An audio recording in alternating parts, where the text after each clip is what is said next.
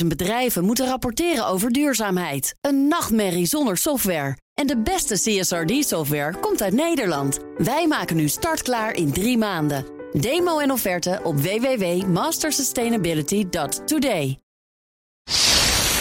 En kijk, en dat is wat de tegenmensen zeggen. Ja, dan ga je kinderen vaccineren omdat de ouders zich eigenlijk niet goed gedragen. En ook de grootouders niet. Hallo, ik ben Kees Dorrestein. En ik ben Diederik Gommers. Ja, bekend IC-arts en OMT-lid. En in deze podcast beantwoordt hij jouw coronavragen. Stuur je vragen naar me op via WhatsApp 06 8370 9229, via de mail gommers.bnr.nl of via Instagram BNR Nieuwsradio. Dan leg ik ze aan hem voor. Vraag het. Gommers. Goed dat je er weer bij bent en dat je weer luistert. Dat je misschien een vraag hebt ingestuurd. Onder andere vragen die we gaan behandelen vandaag zijn... Wat weten we nu van die nieuwe variant in Zuid-Afrika? En is het geen idee om straks het virus, net zoals in Groot-Brittannië, rond te laten gaan? Zodat we misschien niet meer in lockdown-situaties kunnen komen. Allereerst, Diederik, wij krijgen natuurlijk heel veel appjes met vragen. Eh, Deze week echt nou, rond de 200, 300 weer. Dus je snapt als je vraag niet voorbij komt. Sorry, er zijn er gewoon te veel. Maar ik wil ook nog even wat andere appjes eh, doornemen. Want Ruben, Carla, Aristides, Marjan, Hein...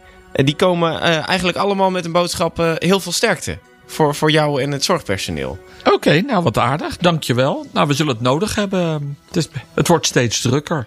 Ja, daarbij ik vond ik wel leuk dat. En, en zij zijn niet de enige trouwens, maar het, het, het viel mij op in één keer dat er wel heel veel appjes en mailtjes kwamen met gewoon mensen die zeiden: Dankjewel voor de podcast en eh, heel veel sterkte. Want het is hartstikke pittig. Nu kan je dat alsjeblieft doorgeven. Nou ja, bij deze doe ik dat. En Hein, die zegt zelfs dat hij eh, voor kankerbehandelingen in het Erasmus MC is geweest.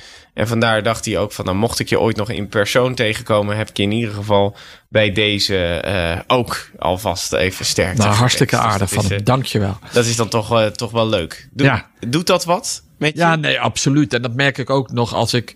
Nou, ik krijg iedere dag nog ook hele vriendelijke mails. Soms af en toe een boze, maar, die, maar ook gewoon echt wel mensen dat ze je steunen. Ehm, of gewoon thuis een kaartje. Eh, gisteren kreeg ik ineens een, een, een box met een, eh, een fles wijn en een stuk kaas. Zomaar Echt van waar? een vreemd iemand. Die Gewoon- je niet. Nee, maar gewoon. oh, Ik wil u gewoon bedanken. U doet het hartstikke goed. Ja, dat, dat, dat voelt gewoon goed. Ehm, Dat, is, dat is dan leuk, ja. ja, absoluut. Want, ja, want hoe is het nu? Nieuwe maatregelen en alles, ja. Nou ja, kijk, we wisten vorige week toen. Vorige week vrijdag, 19 november. ehm, hadden we al zoiets van. Het gaat niet de goede kant op. En toen we toen naar de modelleurs zaten te kijken. Toen zeiden ze al dat de week waar we nu in zitten. dat we iedere dag een kleine 50 mensen erbij zouden krijgen op de intensive care. Nou, die voorspelling komt gewoon uit. We zien nu iedere dag 50 nieuwe patiënten op de intensive cares. En dan hangt het een beetje vanaf hoeveel mensen gaan daaruit. Hè. We kunnen er ontslagen worden of zijn helaas overleden. En dat is wat je naartoe ziet in de groei van het aantal bezette IC-bedden door COVID. Ehm, en, en dat is vandaag ja, toch weer 25 hoger dan gisteren. Dus we zitten op 530. En nieuwe patiënten waren er vandaag 49. Dus ja, als je dat door gaat rekenen en dat gaan de komende week. Hè, want dat, dat zijn de mensen die deze week besmet zijn. Die komen misschien volgende week. Of die, of die week al van vorige week die besmet zijn. Die zien we misschien volgende week op de IC. Ja, dan weten we gewoon dat we, dat we er zo'n. Nou ja, wat zal het zijn? 150, 200. Nou, ik zou zeggen 150 erbij krijgen. Ja, en dan zitten we op 680. En dat is wel ergens daar, ik weet het ook niet precies, zit wel het aantal, maximum aantal bedden eh, wat we beschikbaar hebben mogelijk voor COVID-patiënten. En ik hoop dat als we alles stilleggen en extra hulp krijgen van de gewone afdeling of andere vrijwilligers, dat we toch nog een bedje erbij kunnen zoeken. En dat, ga, dat hoop ik ook echt van harte. Maar ja, volgende week, ehm, het weekend erop of die eerste week van december, ja, dat, dat, dan wordt het heel zwaar voor ons. Ja, dus dan eh, is het ook van... Oké, wat, wat, wat we nu weten, eh, tot, tot vijf uur zijn, zijn dingen eh, open. Eh, we gaan in een, gedeelde lockdown, maar eigenlijk nog niet in een, in een, in een keiharde lockdown. Is, is dat dan wel genoeg? Ja, dat gaan we zien. Uiteindelijk gaat het niet om de maatregelen. Het gaat om het gedrag. En iedereen moet zich realiseren dat hij echt iets doet aan zijn gedrag. En vooral de mensen die um, ja, die, die meer risico lopen om naar het ziekenhuis te komen. Dat zijn de ouderen, de 70-plussers, al of niet gevaccineerd. Mhm. En de mensen die niet gevaccineerd lopen, lopen gewoon een groter risico. Dus ja, die moeten zich vooral zelf beschermen. Dus ja, die moeten zo min mogelijk in contact komen met andere mensen. Uh, want ja, gevaccineerden zijn ook besmettelijk. Dus ja, eigenlijk moeten ze zich als je niet gevaccineerd bent, bijna isoleren. Want dan is het het kleinste risico dat ze de komende tijd naar de IC of naar het ziekenhuis komen. En dat is uiteindelijk nu de uitdaging. En voor als je dan nu gewoon luistert en je hoort er niet bij, gewoon thuiswerken, afstand houden, de, de mondkapje. Ja, je moet eigenlijk. Ja, in je eigen, met je eigen gezin en je vaste vrienden, daar kan je nog iets mee doen. Maar ga niet in grote gezelschappen zitten. Probeer het uit te stellen. Ga gewoon een heel groot stuk wandelen. Um, ja, natuurlijk is sporten belangrijk, maar dan zie je het echt ook alleen maar als sporten, maar niet het biertje blijven drinken en dicht op elkaar zitten en uh, heel hard kletsen. Um, want daar loop je de risico's. Um, maar goed, um, we moeten ook verder leven. Het, het, is, ja, het is heel lastig op het moment. Ja, ja het, is, het lijkt weer een beetje op de vorige winter, hè? Ja, eigenlijk, hè? Was, het waren de enige mensen die ik zag inderdaad. Mijn goede vrienden, mijn familie en, en jou. Ja. dat was het. Nou, dat is wel aardig. oh ja, vorig jaar, weet je nog, toen eh, had ik die verkeerde opmerking gemaakt over kerst. Die gaan we dit jaar niet maken. Nee, nee, geen niks over kerst. Dat, uh, oh jee, bij de kerst komt nog. Daar hebben we nog heel veel afleveringen voor om verkeerde opmerkingen over te oh maken. Jee. Jelle die stuurt nog eventjes naar ons. Want we hadden het vorige week uh, over die uh, vaccins. Die dus op de soort traditionele vaccins. Dus uh, die op basis dus van een uh, doodgemaakt griepvirus. of een doodgemaakt coronavirus dan gemaakt worden. Toen hadden we het erover van ja, die zijn er, maar die moeten nog goedgekeurd worden. van Sanofi en GSK. En Jelle, dat is een, luisteraar, die zei: Ik heb ze gewoon even gecontact. Hij heeft een mailtje gestuurd, Sanofi en GSK. Is hij er al? Ja, hij kreeg ook netjes een antwoord terug. En uh, daarin stond dat het vaccin van Sanofi en GSK zit momenteel nog in de onderzoeksfase en zal niet voor eind december worden goedgekeurd door de EMA of en wanneer het beschikbaar komt in Nederland, zal door de overheid worden bepaald. Zij zullen op een later moment informatie verstrekken. Oh, wat dus goed. Dus voor al de mensen die dus wachten op dit vaccin. Jelle heeft ons werk al gedaan. Maar dan zijn er nog wel van die traditionele vaccins uit andere landen. Hè? Dus uit China is er nog één, maar die is nog niet goed nee, toegelaten op de Europese nee, precies. Dus die, die moeten eerst toegelaten worden inderdaad. Want steeds meer mensen vragen erom die zeggen van... ja, ik vind het gewoon een beetje te eng. De, de andere vaccins, dus ik wil een traditionele... En ik hoor ook vrienden om me heen die dat ook zouden willen. Nou, weet dus, ja, je moet dan eventjes wachten en, en let goed op jezelf. Uh, beginnen we met de vraag van Lidi. Zij zegt, in Japan lijkt de Delta-variant zichzelf te vernietigen. Hoe zit dat en kan dat ook in Nederland gebeuren? Ah, dat was een mooi bericht. Um, want daar hadden ze natuurlijk een aantal mm, weken, maanden geleden heel veel van. Ja, drie maanden was het. Ja. Mij, ja. En nu hebben ze nog maar 200 besmettingen per dag. En daar was gesuggereerd door een expert in Japan. En dat zijn vaak hele slimme mensen. Uh, dat het misschien wel kan, zou kunnen komen dat die, die, die, uh, het virus zich zo. Uh, verandert, dat hij eigenlijk minder effectief wordt. Ja, en dat, hij zichzelf een beetje uitschakelt, ja, opheft. Nou, dat hebben we eerder gezien met het SARS-virus, uh, wat toen in, uh, in Hongkong en later toen in Canada opdook. Uh, toen waren we er ook heel bang voor dat het zou verspreiden. En ineens was het weg. En dat is ook een, um, een uh, coronavirus. Uh, dus wat hoopten we eigenlijk nu met de COVID-19 ook. Nou, is helaas nog niet gebeurd. Uh, maar uh, wat je erop kunt vertellen. Het zou kunnen zijn, maar er is nog geen wetenschappelijk bewijs voor aangeleverd vanuit Japan. Er is mhm. nog geen artikel of een. Nee, dus dan is het ook lastig te controleren op basis van de data. Ja, dus het is een opmerking geweest dat het eventueel zou kunnen. Maar ja, ze hebben ook strengere maatregelen genomen. Dus zou het niet ook met de strengere maatregelen kunnen zijn? En ik weet eigenlijk niet precies of Japan nu ook winter heeft of zomer. Ehm, ja, Japan zit op het noordelijk halfrond. En volgens Ja, dan mij... zit- dan zitten ze op dan- dezelfde, dan zit ze ook al in de winter. Ja, dat, ja. dat nou ja, goed, anders zou zoiets een verklaring kunnen zijn. Maar ja, dat hebben we ook al vaker gezien. Dat ook Spanje en Italië en Portugal ook last hadden van het virus. Maar die zitten ook allemaal op het noordelijke halfrond. Ja. Dus, dus ehm, nee, er is geen echt wetenschappelijk bewijs dat het virus zich echt zo veranderd heeft. Dat het zichzelf uitgeschakeld heeft. Want er zijn ook eh, strengere maatregelen genomen. Dus Ja. We moeten het even afwachten. Moeten we het afwachten inderdaad of zij weer een piek krijgen. Als dat het geval is, ja, dan is het dus niet uitgeschakeld. Blijft het laag en er komt wetenschappelijk bewijs. Kan het misschien wat zijn. Anne dan, die zegt... eh, hoe lang denkt het OMT dat mensen nogmaals in lockdown gezet willen en kunnen worden? Dat bedoel ik niet dreigend, voor de duidelijkheid. Zet ze nog eventjes bij. Ik merk bij mezelf dat de bereidheid er voor de aankomende lockdown nog is... maar dat het daarna wel een keer klaar moet zijn. Je kunt niet altijd de schuld bij het volk blijven leggen, toch? Nee. nee, ze heeft helemaal gelijk. En we zijn er eigenlijk allemaal klaar mee. Ik weet niet, zelfs nu nog een lockdown is eigenlijk te veel. En dat is ook waarom het kabinet het zo zwaar heeft om goede maatregelen af te kondigen. Omdat we ook gewoon weten dat het gewoon niet meer kan. De mensen accepteren het niet meer. Alleen. Ja, dat hebben we vroeger wel eens vaker gezegd. Het virus bepaalt en niet wij. Eh, dus we zijn nog steeds niet de baas over het virus.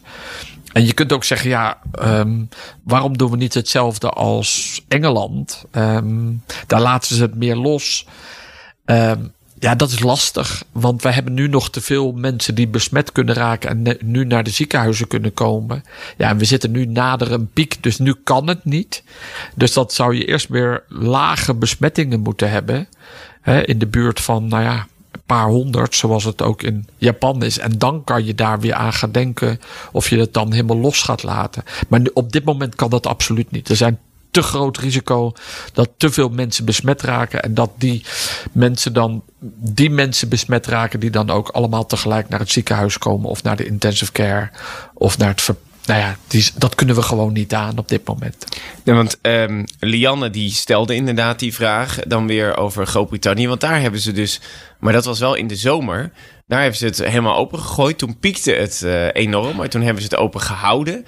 En eh, je merkt nu in Groot-Brittannië dat ze een beetje op zo'n plateau zitten. Dat het niet echt lijkt te stijgen. Dus kan, kan dat wel helpen als we dat zouden doen op een laag punt? Ja, maar ze hadden wel een hoge vaccinatiegraad. Ehm, en, wat, en hun gedrag is anders. Het heeft toch. Engelsen zijn wel heel correct, hè? hoe ze altijd keurig staan te wachten in de rij bij de bus. Ehm, eh, en en ze, ze hebben een andere cultuur dan wij. Ehm, en dat speelt mogelijk. Uiteindelijk gaat het, de besmettingen komt door ons gedrag. En dat gedrag in Engeland is wel een beetje anders. Maar het is wel mooi om te zien dat het hun lukt. Ehm, dus ja, Ze ik- hebben ook wel vroeg geboosterd natuurlijk. Hè? ja, Ze en zijn dat scheelt het ook al. Hè. Ze hebben al ruim begonnen. 9 miljoen. Ze hebben natuurlijk een veel grotere bevolkingsgroep. Mhm. Maar vorige week zaten ze op 9 miljoen boosters. Ik weet niet hoeveel ze er deze week zitten. Maar dat gaat heel hard. Ja, en daar moeten we het toch ook wel weer van hebben. Want hè, de, de risicogroep is de 70-plussers bij ons. Ja, en daar moeten we gewoon keihard gaan boosteren. Ja, maar dat, dat, eh, voordat dat allemaal gedaan is, dan zijn we ook al een paar weken verder eh, natuurlijk. Ja, maar elke dag telt nu. Ja, Dus eh, op het moment dat als je nu een booster krijgt, dat heeft de andere, hè, de studies in Israël laten zien. Die mensen maken heel snel antistoffen. ja dus niet dan- hoeveel, in hoeveel dagen maak je dan? Eh, binnen een week heb je eigenlijk, eh, ben je weer eh, volledig beschermd. Oké. ehm, en dat is het grote voordeel. Dus het gaat veel sneller dan een gewone vaccinatiestrategie. Dus zo'n booster, derde prik, ehm, ja, zorgt eigenlijk weer dat je antistoffen weer maximaal zijn. En vooral bij die mensen die wat ouder zijn waar het afgenomen is, gaan we daar echt eh, ehm, go- goede resultaten van verwachten. Want dat zijn dan de mensen die je kunt voorkomen dat ze naar het ziekenhuis komen. Ja, dat, dan pak ik direct de vraag van eh, Anita erbij. Zij zegt, waarom krijgen 90-plussers nu als eerste een booster? Dat zijn vaak niet de mensen die in het ziekenhuis komen als het zover is. Moeten we nu niet eerst de, groep boosteren eh, die de druk op de ziekenhuizen veroorzaakt? Dus de 60-plussers, 70-plussers. Ja. Nou kijk, de strategie van het, van het kabinet is... we willen zoveel mogelijk levens redden. En we hebben dit al eens eerder, hè, bijna een jaar geleden, gediscussieerd... waarom starten we de vaccins in de 80-plussers of 90-plussers. Omdat die natuurlijk het, uh, dat de, die uh, de, hoogste sterfte hebben. Mm -hmm. uh, en dat je daar de meeste voordeel kan bieden. ze heeft natuurlijk gelijk als je naar de IC kijkt dan zie je eigenlijk de grootste groep mensen is tussen de 60 jaar en de 80 jaar. Maar als je weer naar de kliniek kijkt, dan zit de grotere groep weer 80-plussers. Mm -hmm. Maar niet negen, ja, 90-plussers bijna niet. Die blijven wel in de verpleeghuizen. Yeah. Dus voor de ziekenhuizen zou je bij de 80-plussers nog echt wel voordeel. Want die nemen we echt wel op de mm -hmm. afgelopen week. Maar die komen niet meer naar de intensive care. Waarom niet? Nou, omdat we gewoon gezegd heeft, ja, de kans dat zij. Uh, kwalitatief goed van de IC afkomen, die is zo ja, klein. Dat je dan enorm, als je op de IC hebt gelegen, kost het ook wel wat tijd weer voordat je, ja, als je genezen bent, om te ja, herstellen. Ja, dus als je op die leeftijd, als je dan de medicatie al op de afdeling die allemaal niet geholpen hebben en je, je wordt zo slecht dat je naar de intensive care komt, dan is de kans dat je de intensive care overleeft bijzonder klein. En de kwaliteit van leven, als je het wel overleeft, is heel slecht. En, en dus um, zie je bijna geen opname van een 80-plusser op de nee. intensive care. Maar, dus, uh, maar uh, wordt dat dan geadviseerd en mag de 80-plusser dan nog zelf? Nee, nee, nee, dat wordt niet geadviseerd. Maar je, als je kijkt naar de NICE database, mm -hmm. zie je bijna geen 80-plussers die worden opgenomen. Nee. Dus die kiezen er dan zelf ook niet voor? Om nee, dat, zou, uh, dat, kan ook dat de patiënten er zelf voor kiezen. Ja. Uh, maar, maar, maar er is geen harde leeftijdsgrens. Nee. Zo in deze fase waar we zitten. Nee, precies. Je mag altijd als patiënt ervoor kiezen, maar op basis van de informatie kiezen eigenlijk geen veel. Nee, veel alleen uh, als je ouder bent, heb je vaak nog onderliggende uh, ziektes. En ja. uiteindelijk telt wel het totaalplaatje. Ja. Dus de intensivist bepaalt wel van juist er is, heeft het zin om nog uh, deze behandeling te starten op de intensive care. Ja. En he, heeft heeft dat kwaliteit van leven. Oh, dus het is care. ook wel dat inderdaad de, het IC-personeel kan dus ook zeggen van we, we doen dit niet, want ja, nee, we echt is, uh, samen met de specialist of met mm. de huisarts kom je tot overeenstemming of je dat wel of niet gaat doen en dat ja. bespreek je met patiënt. Als patiënt niet meer aanspreekbaar is, dan doe je dat met familie. Mm -hmm. Maar het kan dus echt ook zijn dat de intensivist zegt nee, dat gaan we niet meer doen. Nee. En dan kom je tot dan laat je de patiënt op de afdeling liggen en zeggen: ja, hij is. Het heeft geen zin meer om nog een IC-behandeling nee, te starten. precies, want dan anders neemt die dan ook weer natuurlijk een, uh, een bed in. Ja, maar als hij ja. natuurlijk in het ziekenhuis, dan neemt hij daar ook een bed in. Maar het kan ja. dus ook zijn als hij dan verder uit, achteruit gaat, dat je dan uiteindelijk de palli palliatieve traject ingaat. Ja. En heel even voor wie dat niet weet, wat is een palliatief traject? Nou ja, dan, dan start je uh, medicatie eigenlijk ter comfort. Maar stop Ja. je alle, of dan stop je alle andere Ja, behandelingen. en dan komt patiënt te overlijden. Ja. eh, traject inderdaad. Maar ehm, kijk, we hebben nu vooral een probleem met, met de IC-bedden die natuurlijk naar de top gaan. Dus dan zou je eigenlijk het liefst willen dat die 70-plussers en die 60-plussers dan... Ja, we hebben het altijd over IC-bedden, maar nu merk je ook wel dat eigenlijk liggen er meer patiënten in de kliniek. Mhm. En we zien ook gewoon dat die kliniek, omdat je inhaalzorg aan het doen was, maar we Mhm. zien ook veel meer mensen die gewoon acute aandoeningen hebben, al of niet doordat we die zorg hebben uitgesteld. Mhm. Dus de ziekenhuizen liggen erg vol. Dus die 2000 patiënten, we hebben wel 12 tot 14.000 bedden in het ziekenhuis, maar die 2000 patiënten is echt veel. Het is echt zoeken ook uh, naar een, een vrij bed. En je ziet ook dat de verpleeghuizen hebben het moeilijk. Mhm. Dus ook de uitstroom uit die ziekenhuizen gaat moeilijk. En vandaag verscheen ook dat de huisartsen het eigenlijk ook niet meer lukt om gewoon de zorg te leveren. Dus die moeten ook al schiften. Ja. Dus eigenlijk is de hele zorg, Ja. eh, die hele keten is eigenlijk overvol. Dus en vandaar dat we vorige week ook spraken over een zorginfarct. Het gaat Ja. niet alleen meer over de IC-bedden, al kun je die wel heel uh, hem makkelijk in de gaten houden met de bedden. Ja. Um, maar eigenlijk is, is, gaat het overal mis. Maar ja, als er echt een zorginfarct komt, dat, dat er niks meer bij komt... Ja, dan, dan, dan is het gewoon zo. Uh, op het moment dat de patiënt een ongeluk heeft gehad of iets anders, die komt bij het ziekenhuis. Ja, er is geen plek meer. Sorry. Dan, ja, maar dat is ook het gevaar van code zwart. Ja. We maken, denk altijd dat code zwart. Of we, men denkt vaak dat code zwart vooral gaat over de COVID-patiënt. Mm -hmm. Maar het gaat eigenlijk over dat je geen bed meer hebt. En als je dan jong bent en onverhoopt een ongeval. Ja, en op het moment dat je dan naar het ziekenhuis komt en er is geen plek dan kun je ook die jonge mensen niet behandelen. Nee, en dan, precies. bedoel, als er natuurlijk nog een bedje is, kan je nog een keuze maken. Mhm. Als je twee patiënten hebt. Maar het kan natuurlijk op een gegeven moment ook gewoon vol zijn. Ja. En dan is, kan je ook je gewone behandeling niet doen. Nou, dat zal dan wel heel ex- extreem zijn. Maar dat is waar we op afsteven. En, en we hebben dit nog nooit meegemaakt. Dus we weten ook niet precies hoe dit dan in de praktijk gaat. En we doen natuurlijk met elkaar. daarom we hopen vooral dat het gewoon niet we willen gebeurt. Ja, koet, ja. koet, koet, koet, koet, dit voorkomen. Dit Ja. is zo belangrijk dat we hier niet in geraken. Nee, want ik zag een arts uit Groningen, zag ik dan weer twitteren. En die zei, ehm, op het moment dat dat gebeurt... dan hebben we eigenlijk ook extra beveiligers nodig voor het zorgpersoneel. Want dan komt er iemand binnen eh, met, eh, met, eh, die, die een zwaar ongeluk heeft gehad. eh, met, met familie misschien wel. Ja. Ehm, en die kan dan niet geholpen worden. En die gaat er misschien wel dood. En dan, ja, dan wordt de familie natuurlijk ook weer boos. eh, Ja, maar ja, je moet er eigenlijk gewoon niet aan denken. Nee. Je moet er eigenlijk niet aan denken. Natuurlijk bereiden we ons erop voor. En alle triage-teams, hè, dus de eh, andere specialisten die ons helpen om die keuzes te maken. Om zich te houden aan het draaiboek hè, wat er geschreven is. Die oefenen we, gaan we oefenen volgende week. Om ons voor te bereiden dat we er klaar voor zijn. Maar eh, we gaan alles in het werk stellen om er niet te komen. Ja. Dus al moet het uit onze tenen komen, ehm, gaan we het proberen te voorkomen. Maar daarom is het ook zo belangrijk dat de mensen zich thuis realiseren dat zij eigenlijk degene zijn die erover gaan. Die, die het kunnen voorkomen met ja, wij niet. Wij Ja. kunnen alleen maar reageren wat er aangeboden wordt. Ja, maar er is dus nog wel een kans dat het voorkomen kan worden.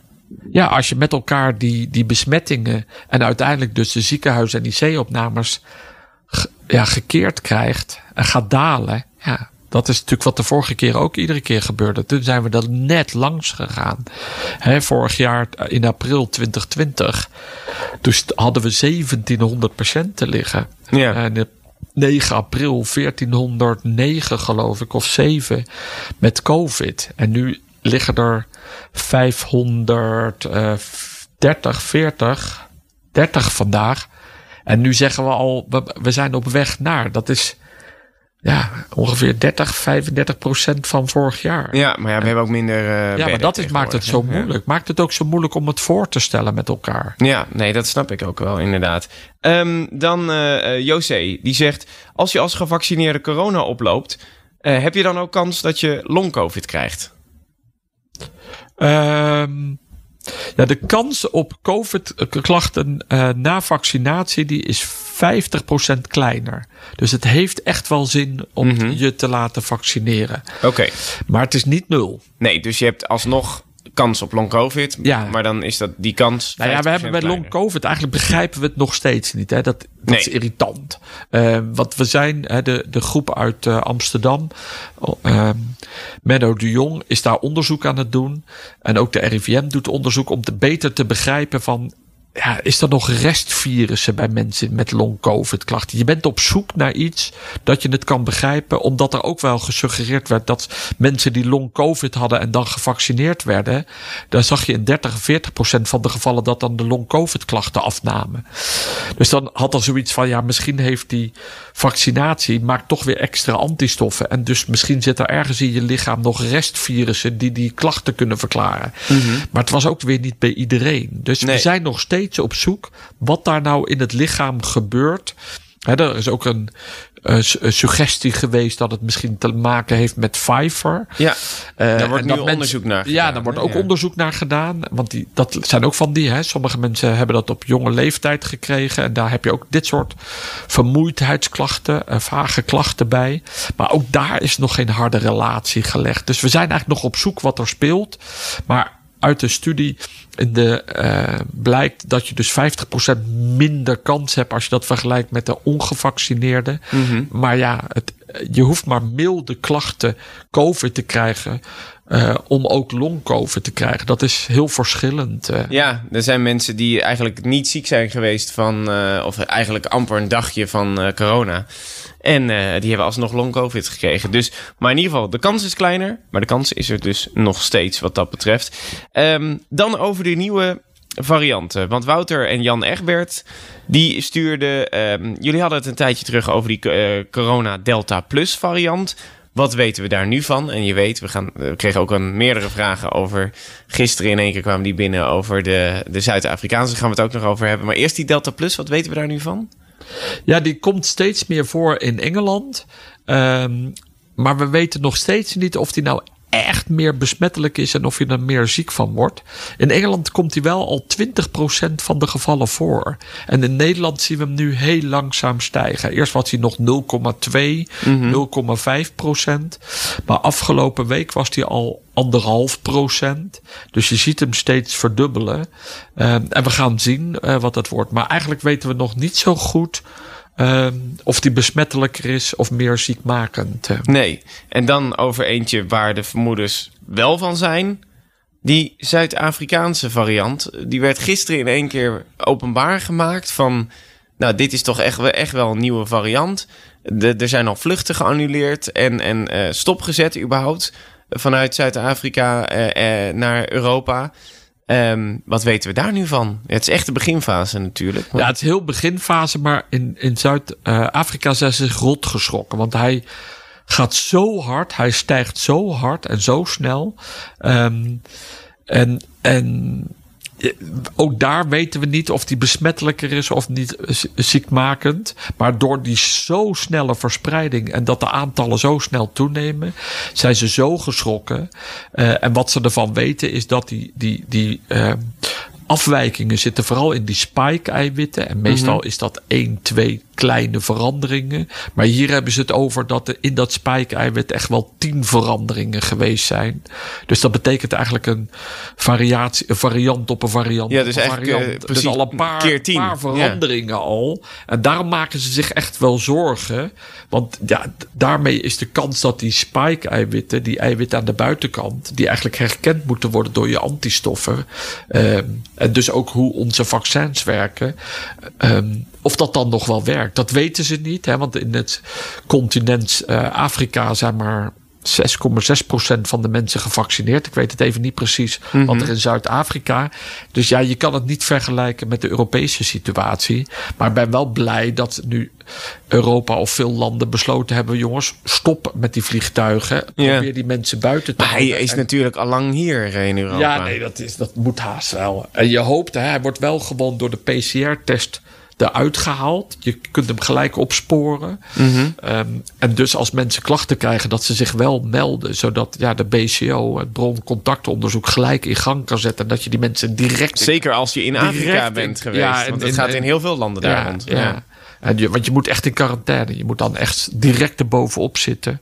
Maar ja, we gaan het zien. Daar moeten we dus eventjes op uh, gaan letten wat dat betreft. Ja. Um, dan uh, zegt Eva, uh, in het licht van het nieuws dat de EMA het Pfizer-vaccin heeft goedgekeurd voor 5 tot 11-jarigen. Nou, ik was eerst wel voornemens om mijn zoontje van 5 jaar te laten vaccineren, mocht het zover komen. Onder het motto, nou, de kans is dan kleiner dat hij zijn opa en zijn oma aansteekt. Maar ja, um, mensen die ook gevaccineerd, die gevaccineerd zijn, kunnen ook besmettelijk zijn. Dus is er dan nog nut om kinderen te vaccineren eigenlijk? Zo, zo jong. Ja, lastig hè, want bedoel, ben het helemaal met haar eens. Um, in het begin dachten we dat op het moment dat je gevaccineerd bent, dan heb je ook geen bijdrage aan de transmissie. Nee, dat was bij de Britse variant het, was ja, dat een beetje. Je het niet. Nou, nu blijkt met die Delta variant, daar, houdt, daar werkt het vaccin niet tegen. Dus je kunt als volledig gevaccineerde kun je het virus bij je hebben uh, en kan je het dus verspreiden. En dat doen ja. die kinderen ook. En daarvoor maken we ons zorgen dat ze bijdrage leveren aan de verspreiding. Ja, het is nu, uh, wat is het, uh, 22, 25 procent, zoiets van, ja. de, van de verspreiding ja, dus van, van, die jonge kinderen. 23.000 besmettingen of 22.000 besmettingen is 20 procent van kinderen. Maar we testen ook veel bij Mhm. kinderen. Um, maar ja, ze worden er zelf nagenoeg niet ziek van. En ja, je hoort ook nog niet bij die hele jongeren van 5 tot 12. Of tenminste, ik heb het nog niet gehoord. Dat ze heel veel klachten hebben van long COVID. Bij die andere 12 tot 17 is meer een risicogroep. Daar hoorde mm-hmm. je het wel af en toe. Um, ja, ik kan me helemaal voorstellen dat wat die mevrouw zegt. Ik weet het even niet meer. Want eigenlijk heb ik dat ook het gevoel. Ik weet het eigenlijk ook even niet. Even Aan niet, de andere ja. kant ja, kinderen worden heel veel gevaccineerd. Maar ja, dan vaccineer je ze om zichzelf te beschermen. Ja. En, en dat kan je natuurlijk wel doen. Je kunt natuurlijk wel zeggen, ja, maar ik, toch bescherm ik mijn kind. Want dadelijk bij een variant, als je antistoffen hebt tegen coronavirussen, ja, ben je misschien ook tegen varianten. Ook al werkt het niet helemaal. Je hoopt altijd toch dat het een beetje werkt. Dat je Ja. daardoor minder kans hebt dat je ernstig ziek zou worden. Maar ja, er zitten ook risico's aan vaccins hè, met die bijwerkingen. Dus ik, ik kan eigenlijk geen goed antwoord geven. Nee, of dit. eh, want wat, we hadden het vorige week wel over van. ehm, zeker als je wat jonger bent, vaccineer je eigenlijk ook vooral voor de maatschappij. Van, Ja, eh, dat is om dus heel erg uit solidariteit. eh. Want wat je zei net inderdaad, van je kan besmet worden, maar de kans dat je besmet wordt eh, als je een vaccin hebt gehad, is vele malen kleiner dan als Ja. je geen vaccin hebt gehad. Nee, daarom. Dus je, je, het is minder. En dus doe je het uiteindelijk dat je ouders minder besmet. En uiteindelijk gaat het om die grote ouders. Dus iets verminderen doe je. Maar is het, ja, dan moet je het echt persoonlijk afwegen. Of je dan zegt van. Ja, geef ik dan mijn kind een vaccin? Aan de andere kant, vaccins zijn eigenlijk onschuldige medicijnen. Ja, dat zeg ik nu. Maar daar zijn, bedoel, iedereen maakt zich toch altijd zorgen. Maar er zijn zoveel vaccins uitgedeeld. Dat hebben we nog nooit gezien. En natuurlijk zijn er allerlei kleine bijwerkingen, of bij, niet klein, zijn bijwerkingen gevonden. Ehm, en dat risico is niet nul. Ja, dan moet je als ouder die afweging maken. Ja, precies. En, eh, maar, en nu, nu zei Ab Osterhaus nog in een talkshow eh, deze week... geef al de kinderen nou ook eh, nu zo snel mogelijk een vaccin... want dan hou je het heel erg tegen. Nou ja, dat is die verspreiding. Je, je, die besmettingen worden omlaag. Kijk, en dat is wat de tegenmensen zeggen. Ja, dan ga je kinderen vaccineren. omdat de ouders zich eigenlijk niet goed gedragen. En ook de grote ouders niet. En dat is eigenlijk wat je doet. Eh, je, je, je wil eigenlijk die grote ouders beschermen. Ja. Die, die hebben het risico dat ze naar het ziekenhuis of naar je IC komen. En daar gaat het mis. En zij kunnen ook, hun sterftecijfer is vele malen hoger. Nou ja, grootouders willen natuurlijk graag hun kleinkinderen zien. Ja. Nou, en dat, moet je, dat is gedrag. Dus als je zegt, oké, maar dat halen we uit elkaar. Dat doen we gewoon even niet. Dan is het prima. Maar als je zegt, ja, ik vind dat belangrijk. Ja, dan, zou je, dan ben ik het met Ab Osterhaus eens. Ja, dan moet je die kinderen gewoon vaccineren. En is het eng vaccineren? Nee, want kinderen vaccineren we zo vaak. En ja, dus je, je kunt er ook lichtzinniger over denken. We zeggen, ja, nou ja, een vaccin is ook niet zo Ja. erg. En dus vaccineer ik mijn kinderen. Want daardoor kunnen mijn grootouders, of kunnen de grootouders, de opa en de oma's, ze wel goed zien en elkaar. eh, en dus hebben ze ook een, een, een kleiner risico dat ze de ouders eh, besmetten. Hè? Want ook bij ouders zie je nu met die Delta-variant. Er gaan ook vijftigers dood. Eh, ik had een collega die werd ineens gebeld ehm, door de buren. Want eh, die man was daar ineens eh, dood neergevallen. Die begon niet te reanimeren. Maar die was gewoon na een COVID. Die was eigenlijk al genezen van de COVID. En valt dood neer. En dat was wel indrukwekkend. Dus hij heeft staan reanimeren, mond-op-mond beademing. En nou heeft hij COVID. Ehm, Omdat, ja, omdat ja, eh, hij zei, zei ja, ik de buurman die die gereanimeerd Ja, heeft. hij zei, ik ging helpen. Dat doe je natuurlijk als dokter. Ja. Hij zegt, ja, ik was natuurlijk helemaal vergeten dat die man COVID had. Dus nu zit hij ziek thuis eh, met COVID. Ja, jeetje. Ja, maar dat zijn, de, er zijn dus ook echt wel indrukwekkende verhalen gewoon. eh. Ja, dus op het moment dat we de generaties niet scheiden, dan is het geven van vaccins aan kinderen dan wel weer handig. Nou ja, handig. Het is, je voorkomt daarmee de, de, de besmettingen. En daarmee is het viruslood, hè, zoals we dan zeggen, hoeveelheid virus wat onder de bevolking is, dat verminder je. En daarmee is de kans dat de risicogroepen, de hoogrisicopatiënten, maar ook de niet gevaccineerden lopen minder kans dat ze dan het virus tegenkomen. Ja, en dat kan je dat doen. En dan zeggen de tegenstanders, ja, maar dan moet je die kinderen niet aan blootstellen. En de, en de van deze wereld, de voorstanders, zeggen ja. Maar hoe erg is het om een kind een vaccin te geven? Want dat doen we ook voor polio en andere. Maar daar doe je de vaccins vooral om die kinderen niet ziek te Nee, laten ja, worden. precies. En nu geef je dan het vaccin om de, om de viruslood in de bevolking te verlagen. Ja, dus de, de- het vaccineren van kinderen, dat zou echt een, een, eh, een, een keuze zijn een, voor de samenleving Ja. en niet zozeer voor de kinderen zelf. Ja. Nee, ja, tot nu toe eh, is er bijna geen kind wat ziek wordt, zover ik begrepen heb. Nee, Of, ze, of ze moeten een onderliggend lijden hebben. Maar dan is het ook logisch. Die mensen zullen ook wel besluiten om hun kind dan te laten vaccineren. Omdat, ze, omdat dat kind een bepaalde ziekte heeft. Maar Ja. dat is een hele andere groep. Precies, nee, dat, dat zeggen ook kinderartsen. Er zijn natuurlijk kinderen met extreme astma of dat soort dingen. Ja. En dat, daar kan het, is het dan weer voor het kind zelf. Omdat de kans dat ze, als ze het krijgen, dat ze er ge- gevolgen van, eh, van oplopen. Ja. Ehm, alsnog moet het überhaupt eh, worden besproken door de Gezondheidsraad in Nederland. Dus het is nog, er is nog helemaal geen sprake van. Nee. Jerry, die zegt nog wel, als je eh, kleine kinderen gaat vaccineren, krijgen ze dan ook minder eh, vaccin, omdat ze kleinere lichaampjes hebben. Ja, nee, hele goede vraag. Ehm, wij krijgen 30 microgram per vaccindosis. En je krijgt dan twee dosissen. En de kinderen krijgen 10 microgram. Dus een derde. Oké. Eh, en ze krijgen wel twee dosissen, ook weer met een interval van 21 dagen. Maar dat komt omdat kinderen een, eh, die maken, hebben een betere afweerreactie. Dus ze maken net bij een kleinere dosis net zo'n hoge antistoffen. Dus ze hebben een goede respons op het vaccin. Oh, die krijgen dus ook minder vaccin dan. Ja, Wat Ja. grappig. ja. Het is gewoon een, een, kleinere hoeveelheid. Ja, een kleinere hoeveelheid. En, en wat ze nu gevonden hebben in die studie, was een kleine studie, maar dat je 90% effectief is bij die kinderen. Dus eh, in de studie, in de, in de vaccingroep hadden maar drie kinderen COVID-klachten gekregen. En in de controlegroep, die, die de helft kleiner was, 16 kinderen. Dus er zat een duidelijk verschil in. Ehm, en dus eh, ja, het werkt goed, ook in kinderen. Ja, om ook als eh, überhaupt beschermen om het te krijgen. Ja. Ja. Ja. Oh, dus dat is, dat is een veel hoger eh, percentage dan bij volwassenen. ja, maar daar hadden we het natuurlijk ook bij, want dit zijn die mRNA-vaccins. Daar hadden we ook een 90% bescherming. Ja.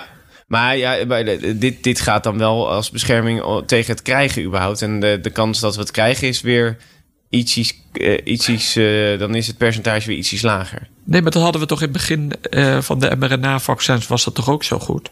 Ja, aan het begin zeker. Ja, ja, ja. ja, dus in januari hadden we toen ook over 90% Toen, toen was die AstraZeneca 66 Ja, ja, dat klopt. ja. dus dat, dat, die percentages, of het 90 was of 88, zoiets was het. eh, Mhm. hè, dus voor het, het werkte goed tegen het niet krijgen van COVID-achtige klachten. Daar gaat het. Dat is dit percentage nu. Ja. Ehm, tot slot, Katrien die zegt... En ja, ik had er nog niet van gehoord, dus ik vond het wel interessant. Waarom bestelt Nederland dat medicijn Renegeron niet... wat Israël wel heeft gedaan... om ongevaccineerde en oudere mensen... bij het vaccin niet zo effectief is... te helpen om corona te overwinnen? Ik kende dat vaccin niet. Ik denk, jij bent de arts van ons tweeën, Ja. dus je kent dit vast Ja, wel. wij noemen het regenkof. Regenstreepje en dan COF van COVID. Oh, maar dat hebben we wel, toch? Ja, en dat hebben we. Dus Ja. dit, dit, dit is een- een andere naam, Regeneron. Ehm, ik weet niet wat. Soms heb je de, het stofnaam en, en, de, en, de, en de, de farmaceutennaam of de, eh, die verschillen. Dus dit is, een, dit is zeg maar die, de, het stof, die, die cocktail van twee antistoffen. eh, en die geven we bij mensen die geen antistoffen hebben. Dus als je nu in ziekenhuizen komt en je krijgt ineens COVID, eh, dan meten we het aantal of je antistoffen maakt tegen COVID. En als je helemaal geen antistoffen hebt, dan eh, krijg je regenkof in een groot aantal ziekenhuizen. Ja, we kennen het dus al. Ja, Ja, het. maar Katrien, eh, scherp, het wordt ook nou, wat wel mooi is, want eh, Ja, kijk, ja. daarvoor moet je dus in het ziekenhuis zijn. Eh, maar er is ook een studie verschenen een tijdje terug, waarbij ze die regenkof onder de huid spuiten. Ja. Dan- en dan maak je ook antistoffen. En dat zou de huisarts kunnen doen. Dan hoef je niet aan het infuus. Ehm, maar dat hebben we nog niet toegepast volgens mij. Nee, en regenkof, is dat nou ook dat Trump-medicijn? Ja, dat ja. is, Ja, ik is weet niet precies of hij precies dit heeft gehad. Hè. Nee. Het bestaat uit twee antistoffen. eh Casirivimab en Indevimab. Nou, allemaal al die rare namen. Ehm, dus ik weet niet precies welke, welk antistof hij heeft gehad. Maar dit is wel ehm, zoiets zoals Trump heeft gehad. Oké, maar dus eh, dat betekent dan, als dat uiteindelijk wordt goedgekeurd... want er is nu nog die studie bezig, dus dat- dan duurt het altijd even voordat het op de markt is...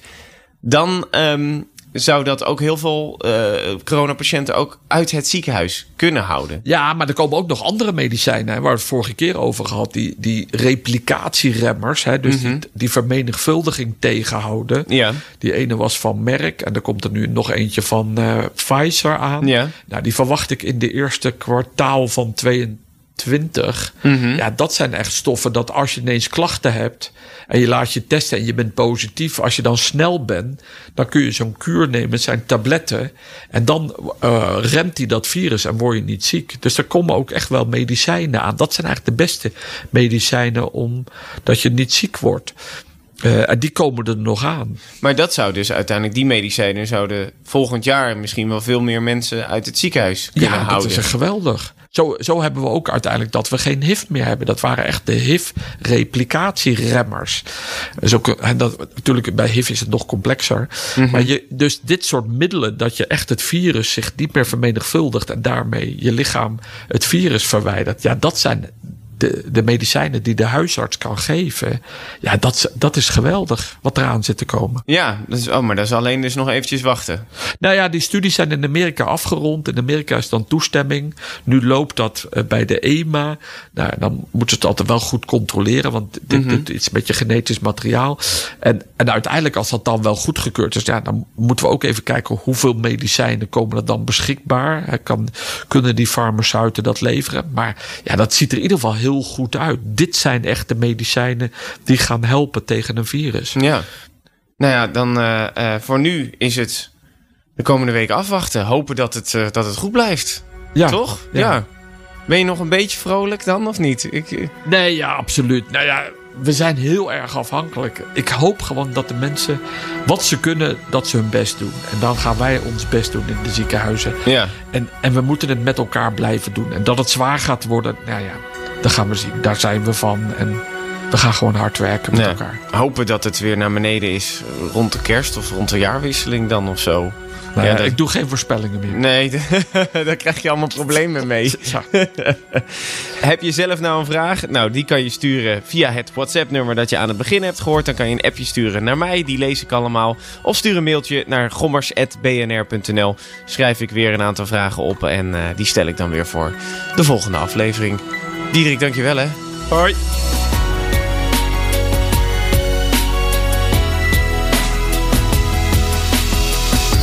Vraag het. Gommers. Gommers. Gommers. 50.000 bedrijven moeten rapporteren over duurzaamheid. Een nachtmerrie zonder software. En de beste CSRD-software komt uit Nederland. Wij maken nu startklaar in drie maanden. Demo en offerte op www.mastersustainability.today.